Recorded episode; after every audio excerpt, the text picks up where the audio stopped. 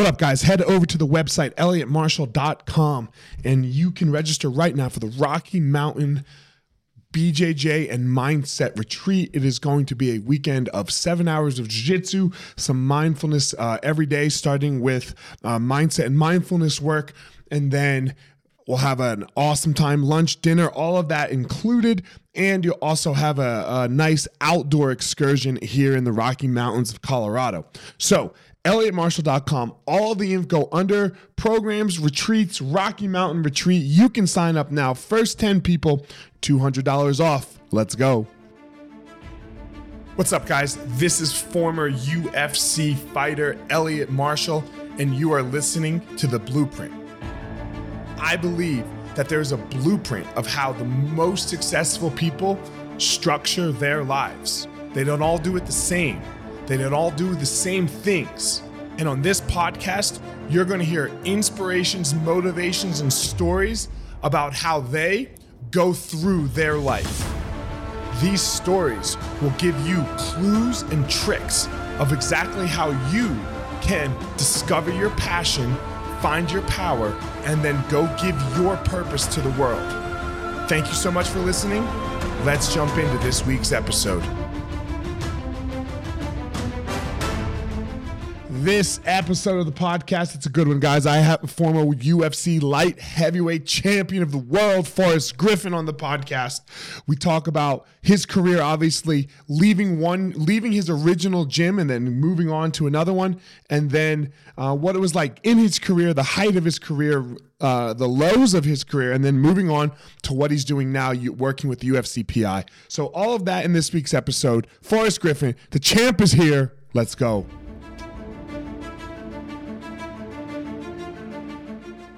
What up, Forrest? How are you? I'm good, man. I'm good. Good to see you again. Good to talk to you. I appreciate you doing it, man. Uh, you know, uh, I don't know if, you know, there, there's a lot of people in your life that you don't know if you would have had a career without. Uh, and you're probably one of them. You know, that fight you and Stephan had uh, really put us all on the map so that, uh, you know, well, and you were fighting for yours too, you know? Yeah. Well, but us, that us blew it alumni, up. We got to stick together, you know, the TUF alumni. We gotta, we gotta. yes, we are TUF alumni. Even though yes. I, I actually uh, cornered against you once. You did. Who? Vinny, Vinny. Oh, you yeah, and the you you cornered that fight. I did. I did. We were boys right. back in the day, and then I cornered nice, on yeah. the finale when you won. We were in the locker room together on the finale. You won, and Vinny lost to Bader. Vinny lost to Bader. Yeah. yeah. All right. I didn't. Re- I didn't know you were standing on the other side. I don't remember. I was. That. See, I was sizing up all 205ers. so when I was in the locker room with you, I was like watching you. I was like, this kid's pretty big. He looks pretty athletic. What's he got? What's he got? Jiu-jitsu guy. Okay. all right. I see what's up. Jiu-jitsu guy. Yep. Just put that put that back there. You never know. You never know what's gonna happen. Check. Check. oh, him? Yeah, yeah. No, I, I got him. I don't remember that guy. Nice. I didn't. I don't remember that. I mean, I remember the video. No, you weren't. You weren't uh, supposed to. I was just. Yeah. I was telling you. I was taking notes. I was just taking yeah. notes. I what I remember about the Vinny fight is uh Duane's an intense dude, right? And Duane was cornering me for that fight. Yeah. Duane yeah. Ludwig. And he looks at me as we're about to walk out, and Shawn Tompkins was Vinny's corner too. And he looks at me yeah, and goes, I don't fucking yeah. He looks at me and goes, I don't fucking lose to Shawn Tompkins. Yeah. And I was like, huh? He goes, yeah, I don't fucking lose to Shawn Tompkins. And I was like, cool, dude. Are you two fighting or go make sure this happens? You're like, you're like, well, I will also not lose to Shawn Tompkins as none of us are fighting him. So we'll be all right. Hey, right. you know what? I don't lose to Vinny Mag- Magalhães. So there. Yeah, it was it, I just like Duane always pulls shit on that like me, where like where he would look at me with that, with you know something like that, like this, like I'm gonna fuck you up if you fuck this up. Look, you, were, you know, you we're like not early Denver pioneers coming out of. I was a Denver, yeah. there wasn't a ton going before you guys. Now that I, I didn't even know, like, I'm obviously I knew Duane Bang Ludwig, but I didn't know like you know what was going on up there. Now you know the whole area is like a big kind of a big training mecca now. It is. Right it, Denver, you know. Mm-hmm. It was very interesting because everyone was separate. For example, between yeah. you know, like Nate trained and Duane trained, and they were the guys that were good. uh, and they would train Marquardt? together sometimes. Yeah, Marquardt. Yeah, yeah, he's a stud. And then uh, I wanted to fight at a mall. My jujitsu teacher called Duane, and because I couldn't strike for shit, and this was like 2005. Uh, so he called Duane, and Duane started working with us. And then when we got a little better, he took us to where Nate was training, which was uh, T's KO, Trevor Wittman, one of Trevor's first gyms. Mhm. Uh, and you know, we would meet there twice a week, maybe, and then it just it morphed into what became Grudge, where all of us were Yes. training. And then when and that was me, Shane, Brendan Carwin, uh, Shane Carwin, Brendan Schaub, Nate, Cody was training there. As far as like names, you're gonna know. Rashad would Rashad would come up. Um, and then we had this Jackson's connection too. So the Jackson's guys would come up. Marquardt trained at Jackson's and Rashad trained at Jackson's, and they would kind of cross train you guys. Yeah. Marquardt, Nate mostly trained in Denver. He would do week long, he would go to uh for like the end of camp, he would go to Jackson's. Ah, okay. and that's how and then we all started doing that too. Uh so that was that connection. And then we kind of broke off. So uh, and did our own thing after that. What did you think about So- that on, a physical, uh, you know, kind of uh, changing your camp up at the end like that? I mean, it's another place with good altitude, which is a plus, but like, you know, if if you're going to get cornered by the Jackson crew, I guess good, but you're only going to work with them for two or so weeks. Is that? Did you? I would go down all the time. No, I would go down all the time. So I, I would even So out a of camp, I'd be going. I love. Greg. Yeah. I loved Greg. So Yeah. Greg and I had a very strong connection just on a human level. Mhm. So, uh, and I think that's a very important thing with cornering, right? Like He- in he's oddly pleasant to be around. He's just funny and self-deprecating and just kind of a Mhm. you know, he knows what he's talking about, but at the same time, he's he's so confident he can let himself be goofy, which I like. He he embraces himself fully. Yeah. You know who else does that is uh Jamahal, the current 205 pound champion.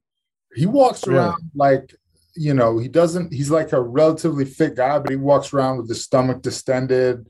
Like, you know, he walks around like if he was five, six, he people would pick on him. But he's a big guy. He just doesn't even care, you know, like he's Yeah. always making like I mean, I think he's more than relatively fit. He just went five rounds. Yeah, yeah. Uh, uh, yeah. with a three week camp, he won five rounds. you Right. know? so, damn, that's all it was for him was three weeks. Well, he was supposed to fight uh, Anthony Smith. right, Anthony Smith and blah blah blah, and they were actually training together. And then he got the or the, he got the call up, and then they started training together. So yeah, so he was training for a fight, but it would have been a three round fight, not a five round Right. fight Not a five round fight. for the belt And the champ. In Brazil. Yeah. So Yeah. in Brazil. So I mean, he looked amazing. What was uh I want to go to because this podcast is really about first it's it's about how to like make yourself, you know. And I Okay. think there's two two parts to your story, Forrest, a So little bit. when I do One- that, should I call you back in and I'll be a guest when I figure out how to do that, or He's going to BS now. He's really like bullshit right now. Man, just make it up. Okay? Okay. Just fucking make it up as I ask questions. Okay. That's what, hey, that's what I've done so far. So why would I change anything now? You know, this don't take yourself too serious, right? Yeah. so um so I think there's really two parts of this for for from from an outsider's perspective looking at your career and I don't know you like super personally, right? But just looking at the career that you had, you became UFC light heavyweight champion of the world coming off TUF and really setting that setting Yeah. that stage. And then there was this like which where I think almost all fighters drop the ball uh is post career. And I think because you, you see a lot of fighters, boxing, everything, doesn't matter what the fighting is. Their career ends, their life just goes into the shit. And the next thing you know, they start of your new career. Yeah. start of what yeah, post fighting career, right? So um and and we're seeing it now, right? We're seeing a lot of sad stories coming out of people, you know, and I know you were very close with Stephan, but it's not just him, right? It's not No. just him. It's, So so there's two parts mean- here that that that you've been Well- able to overcome, it seems like. well, and then you think about people our age, kind of our our peers. They've all gone through this, you know, and you've done well for yourself. You're still in the sport. A lot of guys have done well, but a lot of guys and gals have not done well. You know, they were already right. they they knew they were hanging on just for a paycheck, and they didn't really, you know, have the ability. They have the love and the passion, but not the ability to compete. And then what I found out in my last couple years in 2013 and 14 was that training people is fucking hard. Like it is hard. it, it is not financially rewarding. Um, you're on somebody else's schedule. You're sitting in a bus waiting for some asshole to make weight to, to talk on the mic. And, you know, some of that fight week time, I just felt like, and this is going to sound a little arrogant, but I just felt like, look, if I could give them the one or two hour work they need a day for this week, that would be a great exchange of time. But it is not worth my time to sit here and ride around on buses and wait in front of you know wait, wait in hotel lobbies to be picked up and and the other thing is like i was still at a place where if we're sitting waiting in the hotel lobby trying to you know get ready to go to whatever press conference or open workout you know there's no way to sound this without sounding a little arrogant but i was still mm-hmm. kind of in that in that realm that time span. People would start coming up to me and like yeah it's not about me. It's about the guy that's that's fighting later this week. And like you know you become like almost more of a distraction. And it's like well this sucks and i don't like waiting i had to do something else. I don't want to do this. I, I mean i like it's, the actual two or three hours a day where you're like talking about fighting telling people about fighting running a practice. And then i like you know i still do the homework as far as what, what are the techniques out there? What are people doing? How can i you know how can i improve? Whatever. But yeah it's just you know and then now I'm at an age physically where I can't even drill with people. So it's a tough, it's a tough kind of, uh, you know, it's basically what I'm saying is I admire you guys because this is not an easy way to make a living. It's a very tough job. Let me thankless job. And the people that don't know don't know. I don't make a living that way. Yeah. I have two fight. I have two fighters, right? So I, I have two fighters. I kicked the rest of the fight team out in at the end of 2021.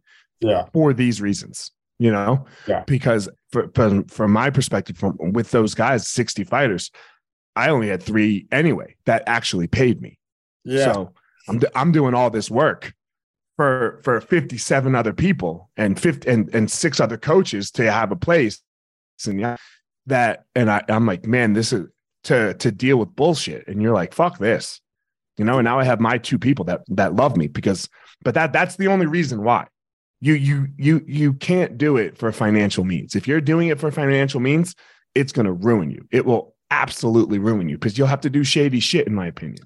Yeah, and and we've seen that too. But right. you know, the money will get better, and it's been a slow trickle down. But the money to the coaches, the organization, the contracts, that needs to get better. There needs to be more of the conversation about what's expected on the athlete side. I'm actually writing an article about this, kind of like a little um, you know, slideshow about like what, mm-hmm. what is that initial? What are you looking for in a coach? Do you even know? How do you judge if it's a good coach or a bad coach? How do you know if your relationship ship fits in with the gym, the training partners, the coach?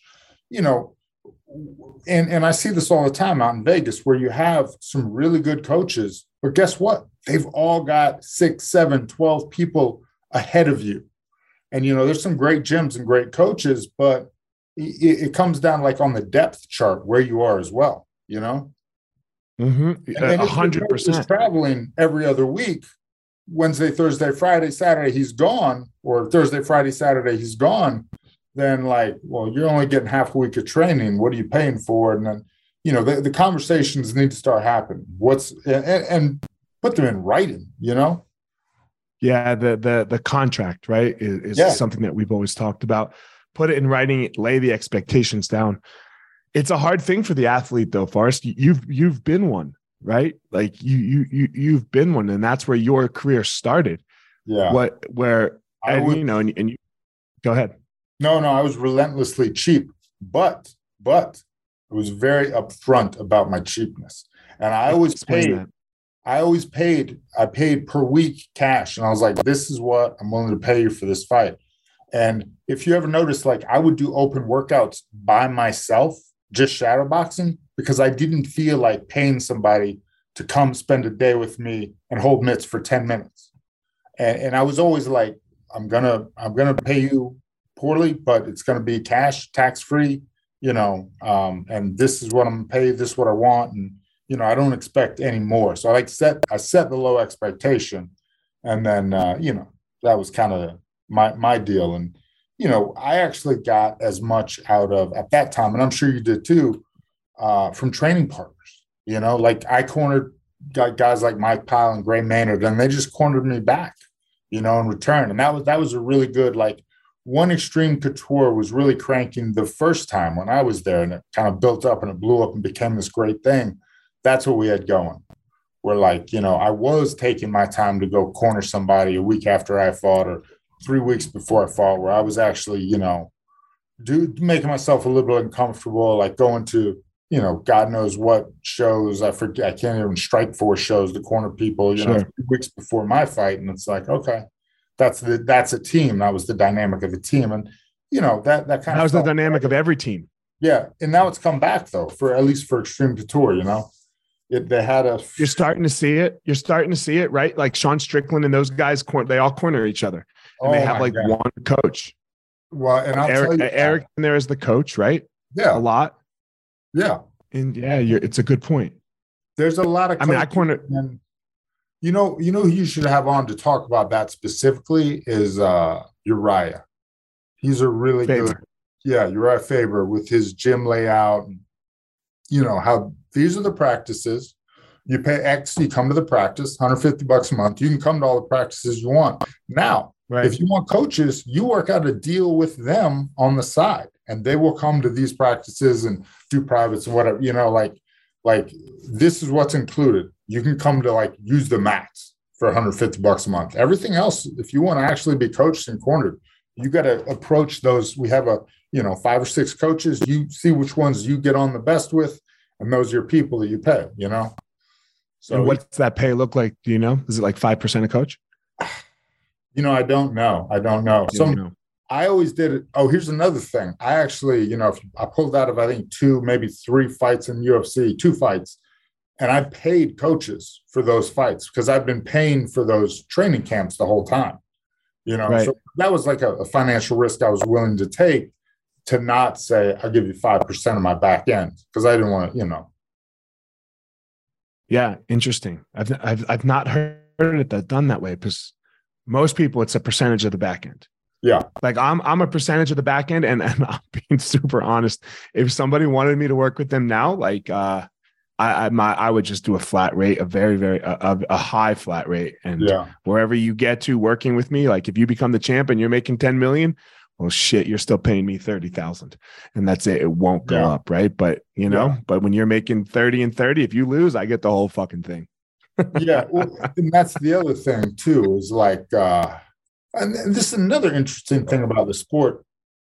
Athletes do outgrow coaches. You know, if you think about mm-hmm. the MMA coaching profession, um, the only other sport I really know is, is football and basketball. And you have middle school coaches that are really good at these developing athletes and the intro, you know the the fundamental skills and then you have mm-hmm. high school coaches which which put some more tactical strategy in it but there's a lot of skill you're touching on that skill then you have college coaches and they're not even teaching that much skill you might have a defensive end coach that makes you do drills and they're slightly different than the drills you've done before but they're teaching they're teaching tactics they're teaching the the, the game plan the film the thing and and so uh, I think because I left my coaches and it was kind of a mediocre, you know, out of Georgia, hardcore gym, Rory and Adam Singer. And I left mm-hmm. my coaches and I would not have made it in fighting with them. In fact, I was living on uh, Rory's living Rory's couch, right? Yeah, yeah, yeah. You know, I was like living, you know, so like I wouldn't like I don't know. I literally would have had to like call my mom and have her come pick me up. I just live at my mom's house as like a 20 year old man, you know if it hadn't been for them. I would have given up fighting many times. And I still left them when I felt I outgrew them. So when you say you wouldn't have made it in fighting with them, is what not without them, with oh, them yeah, yeah. is what you said. No, no, no, no. But I wouldn't have made it without them to that to the I, to the ultimate fighter. I wouldn't have right. made it that far. Like I would have quit. I would have quit before I even got close to the dream. You know. Sure and yeah. and and to re- to really realize the dream you feel like if you would have stayed with them you would have never realized it well so the last couple fights i did there my first couple fights in ufc i we were they were help finding people off of uh, the underground forums and having them fly in and basically stay with us. Like put they were putting people up so I could have the appropriate bodies for the training. And you think about that, like as you develop in your career, first you're just worried about yourself. You fight anybody anywhere, you're just trying to be the best version of yourself. But when you get to that UFC level and you're fighting a guy that you know is a jiu-jitsu whiz, probably better at jiu-jitsu than you. I was fighting Elvis Sinosic. You need to bring somebody in that's good at jiu-jitsu so you can experience that. And you can see what a really active guard feels like, as opposed to, you know what I'm saying? Mm-hmm, um, so, mm-hmm. then we started doing that. And it wasn't just that. For me, I was about 225 pounds. So we also had to give somebody, you know, I, I could get the the the the look, but the guy I was getting the look from was two was a buck 70. You know what I'm saying? Right. I'm sure you experienced right. too. It's like, well, I have mm-hmm. a guy that's probably as skilled as uh, Elvis Sinosic, but he's 30 pounds lighter. It's not going to be, it's not going to be the same. You know, I could get away. Yeah. That's what it was like for, with me and Vinny, right? Like I have someone as skilled as like, you know, yeah. maybe not as skilled, but I have good jiu-jitsu guys, but, yeah. but they're 170 and 180, yeah, exactly. right? Vinny's yeah. 240. Yeah. yeah. if he's you know, big diet, difference. If he's on a diet, it's too, yeah. If he's on, yeah. Didn't he go to the fucking hospital trying to make weight for that Gordon match? Uh, yeah, he did. Like yeah, yeah, and it, and the weight was two thirty, I think, or yeah. two forty, and he was like yeah. trying to do it all last minute. Anyway, what was that like for you to have that conversation with with uh, Rory and, and his brother? Adam, yeah, it was. I mean, you know, in the end, they loved me, and and it was like uh, Brandon and his coaches at Entrim. They wanted the best for me, and they thought it would be a good idea for me to come out here and um, you know, like test the waters or to go somewhere basically, to be in the room full of bodies and to see, you know, to to grind a little bit. Um, not that we weren't in Athens, we were. Um, but you know, we started literally like we went to these jujitsu clubs in Atlanta. We went to spar with K1 kickboxers. For whatever reason, there was a, a huge, uh, large amount of the K1 guys at that time. The early aughts were based out of Atlanta. I have no idea why, but there was really good kickboxing there. Okay. So we got to go to Atlanta to spar, you know, good boxing gyms, you got to drive two and a half hours to Atlanta, you know, so it was getting kind of like, you know, we do our skill practices with us, but then if you want live go, you kind of had to go somewhere. So we, we started changing that up. And part of that, honestly, was just because of the size. There's right. not a ton of skilled heavyweights. You know, when right. you walk around 230, 225, you can beat up those 185ers without being more skilled than they are. You know, right? It's not it's not a realistic look. Yeah, yeah. And I think that's a big thing that you saw in the early days with competition, right? Is that the training partner thing was was a hard thing, and that's why Super Gym started, right? Yeah, Xtreme yeah. Couture, because you you needed realistic look. You needed seven other light heavyweights to train with. I need a light heavyweight that's good at this. I need one that's good at this. Yep. And, and that's how you round your game out. And it's also nice too, if you think about the developmental curve, if you're at the very bottom, you're not going to get that much better. You'll get a little better, but if you're at the very top, you're not going to get that much better. If you're in that middle, that's when you're going to make the most development. When you have people that you can practice your offense on, and people that you need to practice your defense on, and people that you can have a bad day and still beat, and people that if you have a bad day, you're getting crushed. But on your best day, you can you can work with them a little bit. You know, that's kind of what you need, right? Have you talked to John Danaher about this? Have you ever heard his thoughts on this? Um, I cannot make it through a John Hunter, John Danaher post. So no, I've never spoken to him about this. I haven't. And he's the jiu-jitsu instructionals that I watch, bro. When I ride my Peloton, like we were talking about, I have to have it on one and a half, two times speed. I don't it's know the best saying, shit, bro. Oh man, I don't know what you. Anyway, he thinks he he believes mostly in training with people that you're better than, but you have to do it right.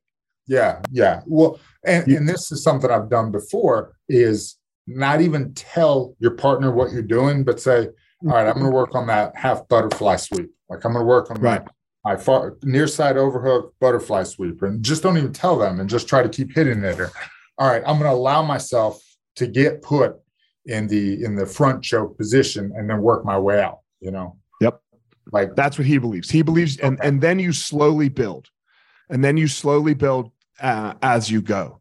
yeah. but very little time. The very small amounts of your time should be training uh, with people that are your skill level because you'll get frustrated in the learning development stage of that. I definitely see that. And I think maybe that's resulted from the people he teaches being so damn good. Who the hell, you know, it's like, and, and that's kind of the boxing theme. Boxers don't, if you think about, they don't bring in three or four other boxers that are as good as them to spar with, like we do. You know, there's some great Manner pointed out to me is like, dude, you're working with Wanderlei, you're working with Couture, you're working with Vitor, you're working with like people that are like, why are you doing that? Those are like fights twice a week. You're fighting other people. Like, do you think Floyd Mayweather brings in like slightly bigger people that are as good as him, or no? He brings in, you know, three or four guys to beat on. Uh, Oscar De La Hoya, all those guys. The, the boxing training camp is like you get sparring partners, and then you have guys like Tyson Fury. If they're too good of a sparring partner, they, they send them home. When you know when when Fury was like Klitschko's guy or whatever, like ah, you mm-hmm. don't like that, you know. And the coach is like, you know, so I, I it can destroy your. I can see it. It can destroy your confidence, man. Right? Yeah. yeah. It can destroy your confidence if you're getting if you're getting fucked up all the time, and then you got to go fight. Like you're not really believing in yourself. I've seen this. I've seen the opposite happen with two guys, and they both happen to be Hawaiians. Um, Brad Tavares, he came in when he was young and green, and he was getting crushed. And by the end of my career, I was like, "Fuck, I got to spar with Brad." You know, he like worked his way up where he was like, yeah, top dog. The other one was uh, uh, Spider, not Anderson, obviously, but the the Hawaiian guy, uh, Kendall Grove. Kendall Grove. Kendall yeah. Grove, for the first two years, I thought like I, I was like, dude, you shouldn't probably do any more rounds with Randy Couture. By the third year, though, I'm like, are you are you holding your own with me? Are you, are you, do you, how dare you hold your own with me right now? This isn't what we agreed upon three years ago.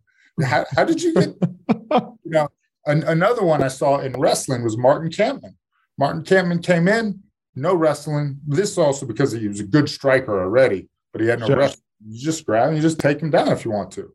By the end of it, I was like, ah, we're doing drills where you have to shoot on somebody, and you're like, I don't want to do that because he's going to end up taking me down. You know, you're right, doing right. Like shoot shoot drills, and you're like, "Fuck, how did this kid get so good?"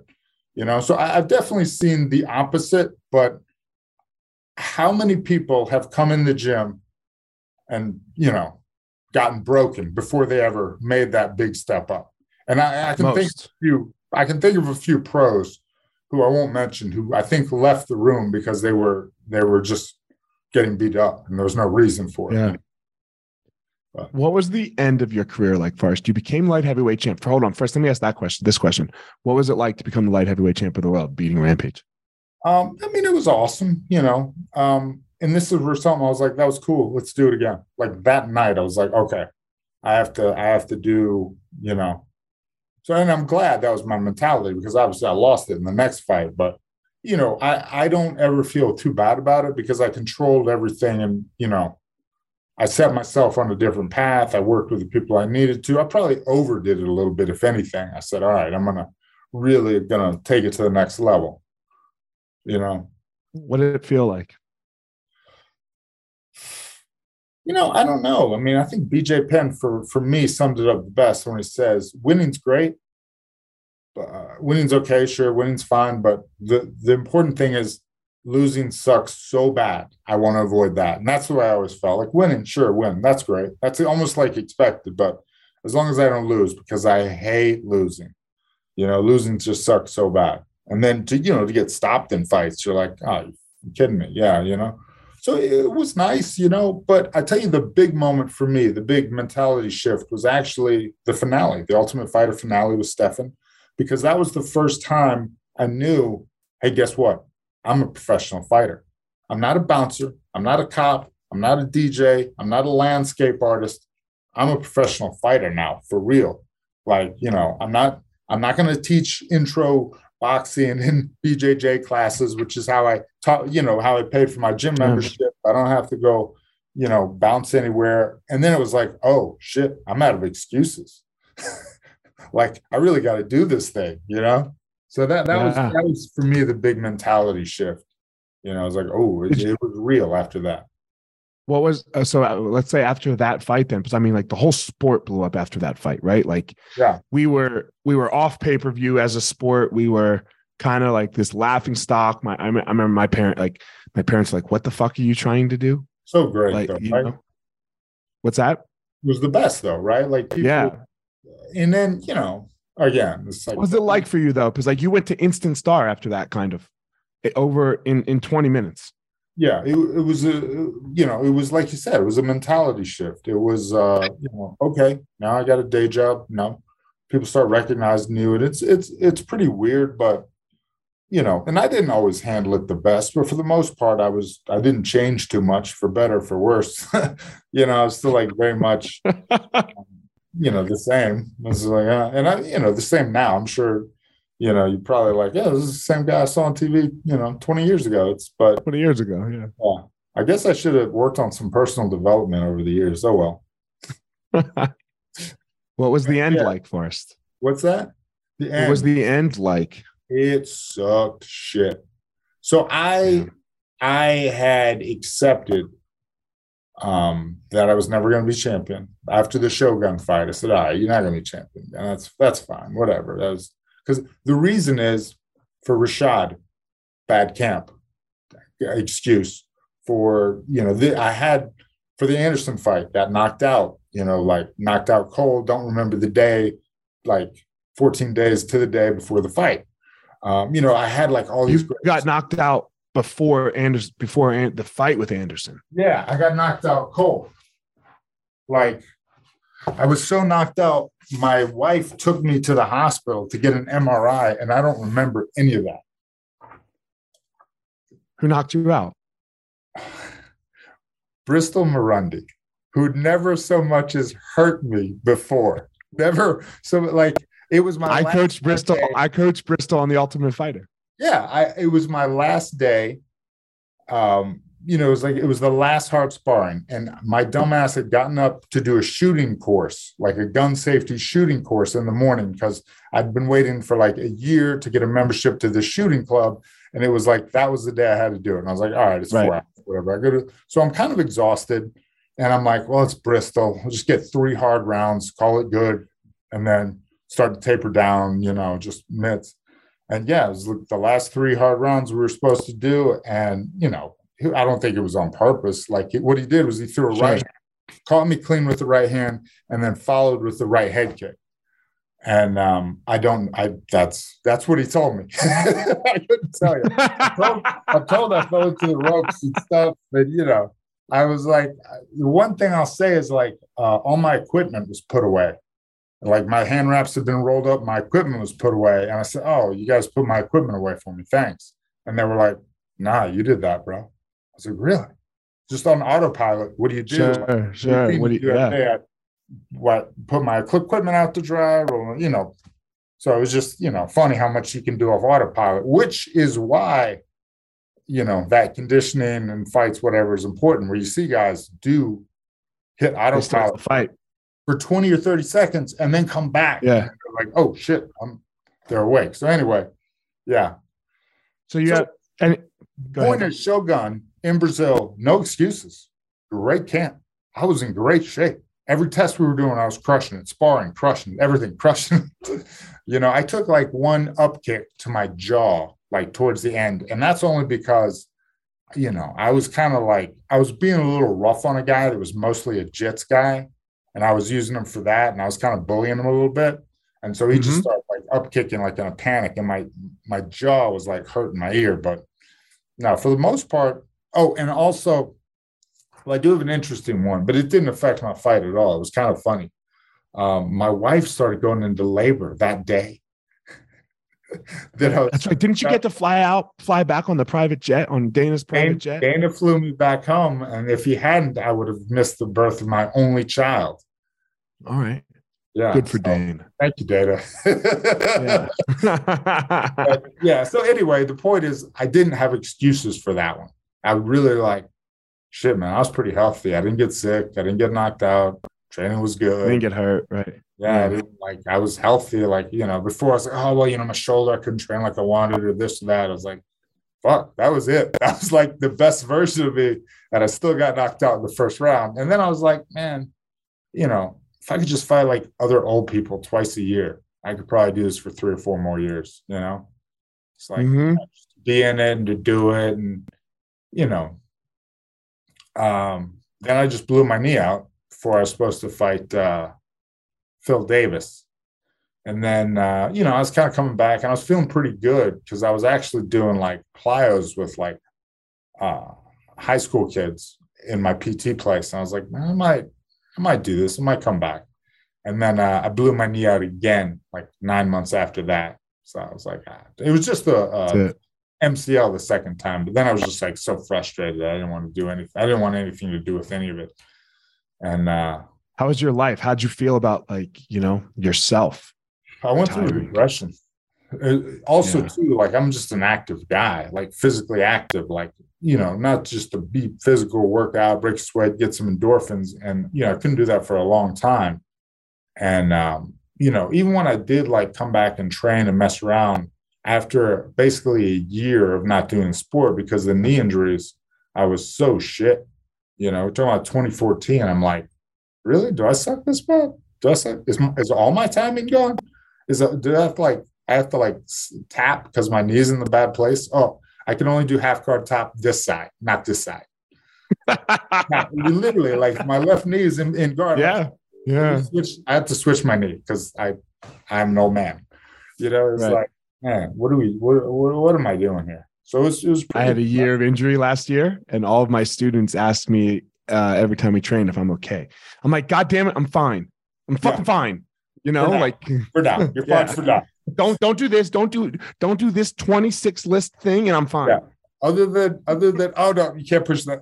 Only push my head on the other side. That's I got this yeah. stigma on my neck there. Yeah. So I, you know, I know no right arm and no left leg. It's really hard to to yeah. do.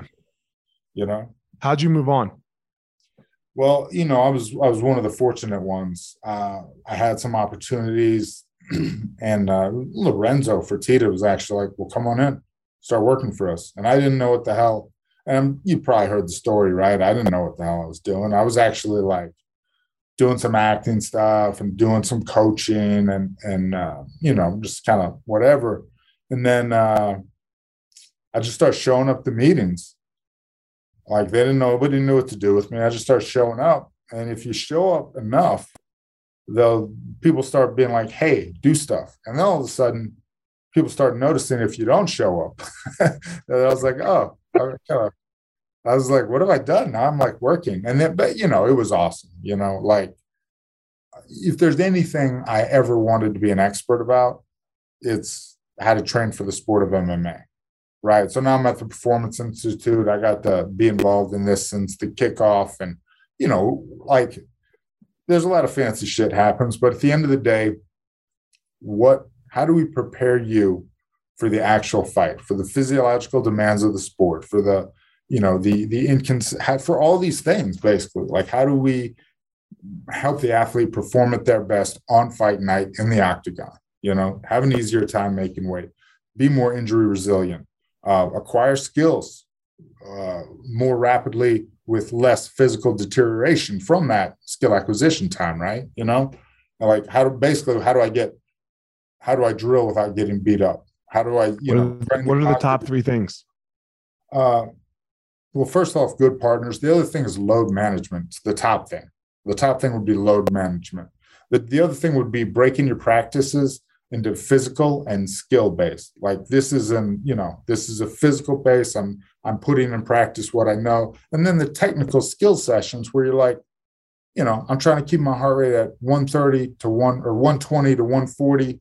I'm drilling, I'm working, I'm moving, we're flowing, I'm I'm you know, I'm I'm I'm you know, again, I'm learning. The other thing, and this is the biggest thing, have a plan, a weekly, monthly plan. Review that plan every Sunday or Saturday night, every athlete should have their notebook of what they did. Check, check, check, check. I did this, I got this, I did this, I did. And then should write your next week's plan. And if you have like a real coach, a good coach, Then they'll start putting in these are your high days, your intense days, these are your low days, your, your more moderate, more technical days. And they put them in in such a fashion as to where when you spar, you're sparring hard. You know, remember, it's, it's an intense sport, but it's only 15 or 25 minutes max. You know, and then you're building that cardio base, base doing the drilling so that when it comes time to go, boom. Um, the other thing about sparring, I'll kind of jump off and jump back on that. Yeah. Sparring for me is decision making under pressure. And I think that is one of the most important things. And this is what you see out of these, these Thai guys that fight every month, or the guys at Anderson that have been in a thousand fights and they didn't take a lot of damage, that they they've just got such a big computer. You know, it's like if you think about it, they've seen so many errors and and done that that mental process of of changing you know, uh, yes, no, this, and finding out what works. So when they're able to make that decision so quickly, it, it's it's automatic, you know. Um, it's interesting because we didn't do that, right? Like we just fought. Like that's what I remember from training camp is you just fought every day. Whether it was wrestling, it felt like a fight. Whether it was jiu-jitsu, it felt like a fight. Everything felt like a fucking fight. So I never did this. This is what I, you probably did the same thing. Monday, I grappled hard. Tuesday, I boxed, yep. kickbox hard. Wednesday, grapple hard, wrestle hard. Yeah. You know, so I had like four to six hard days a week. Now they would say, well, you can have three to four hard days a week, but those days in between, they're going to be more technical days. You know, you're not going to blow yourself up, right? So, right. and that's that's what I didn't understand is that it's actually better to have 24 hours without that practice, other than I'll go hard this day. You know, um, so well, that's because we were coaching our for the most part, like you said, though, we were coaching ourselves. Well, we, we, were coaching ourselves, we were cornering ourselves, we are just figuring it out. Yeah, yeah. And, we, we were figuring some people figured it out really, really well, and some didn't. And that's the that's why this sport is about to take a jumping off. Because people like you are in the coaching game. This is the first generation of people to go through it now becoming coaches. You know what I'm saying? Right. That have ever really been in pure MMA. Now, you got guys that have done like other combat sports or were in other, but now you got people that were legitimate. You know, let's let's use Mike Brown for an example, right? Champ. Yeah, he, he was a champ. He knows he knows his shit. He fought 20, 30 times. He's made all the mistakes. So now he's got a better understanding of what to do not to make mistakes and how much yep. you really need to practice. And then again, if I'm 25, yeah, I can be banging it a little bit and I need to be in there just getting after it. If I'm 31, all right, I, I need my practices to be quality. I need to be upkeeping my skill work, you know, and and you know, now maybe even I need like more time doing the physical prep stuff, like instead of sparring for my conditioning, which you can do, you can wrestle for conditioning, always worked for me if I could stay healthy. Now maybe you're on an Airdyne, you're on a treadmill, you're on a track doing your conditioning to build that up because it's there's a lot less risk of injury. Look, I try to have Drew Dober spar as little as possible, and he can't yeah. because he. I know he's a gamer. Like he, he's a gamer. Yeah, we, yeah, we don't have. Yeah, we don't have to wonder how he's going to act and react in the fight. So now sparring can become about timing. Yeah. You know, and trying to get get his timing.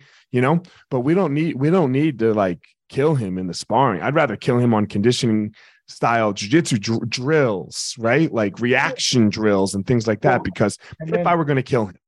So the important thing is drill. So we have yeah. a fixed outcome and it's a stop. Mm-hmm. So the the greater your uh, uncontrolled, the, the the most free and alive the situation, the greater your chance for injury. So injury. we're going to do this. If I get you off of me, the drill is over, and we'll reset and we'll go really hard. But it is in those unknown positions where you know that's where you get more injured.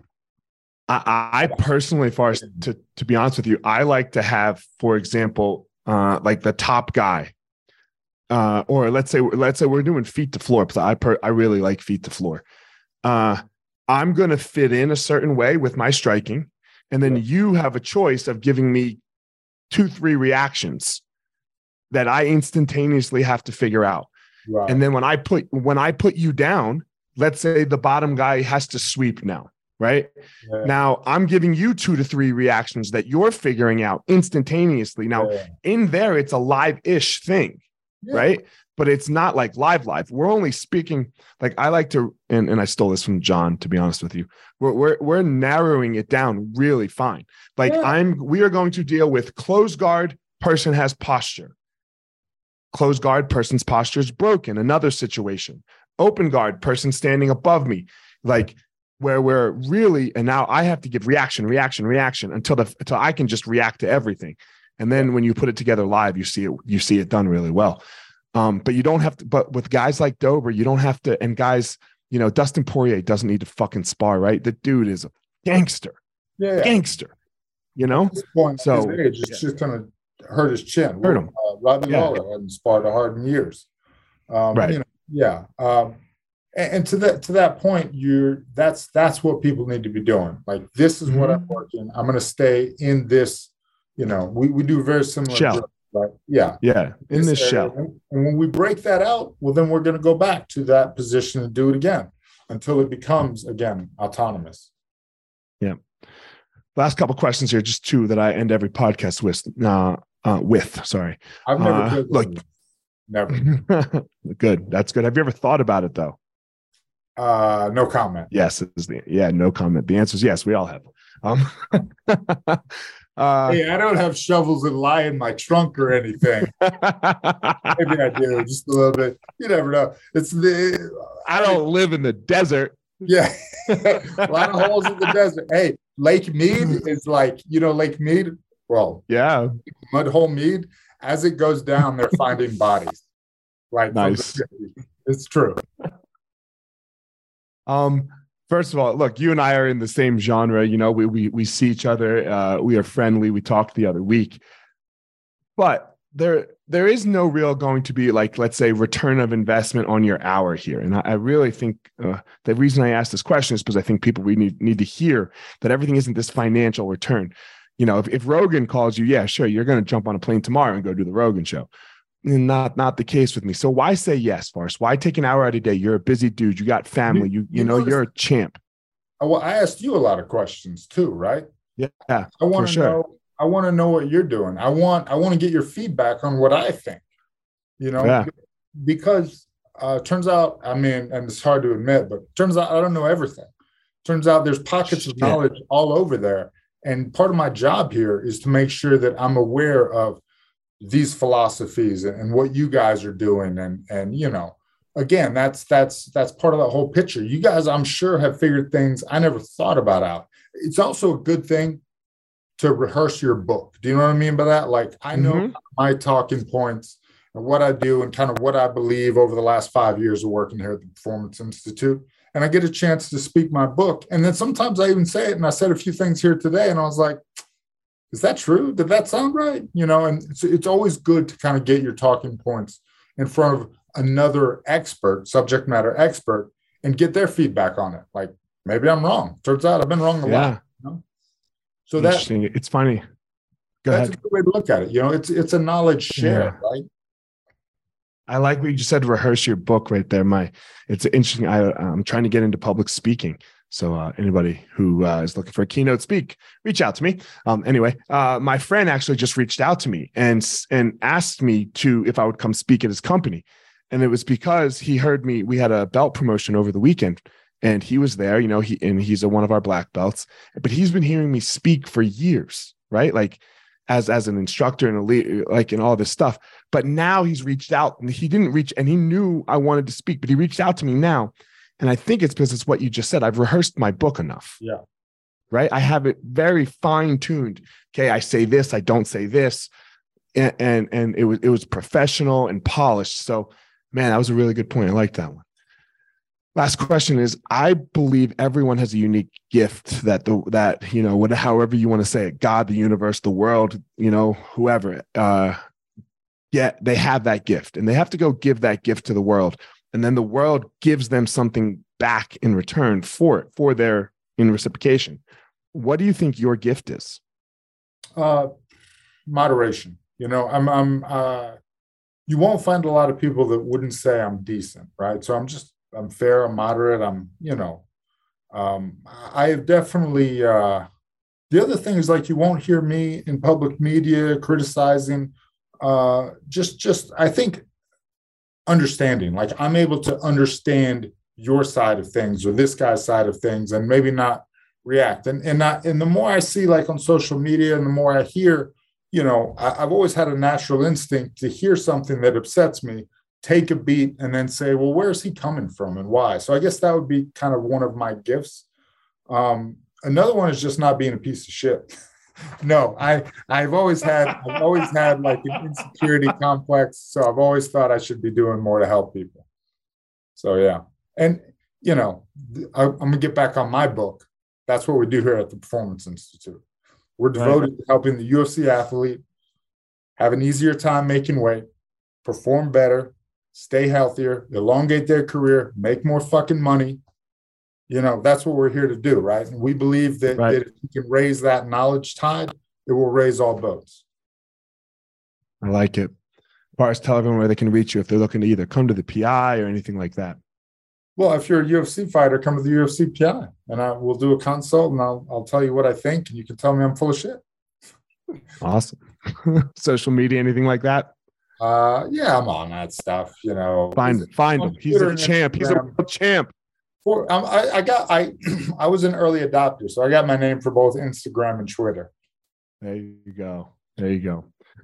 Forrest, thanks for coming on, man. Guys, as always, don't go out in the world and try to be Forrest. He has his unique gift, his unique power that he goes and he gives to the world.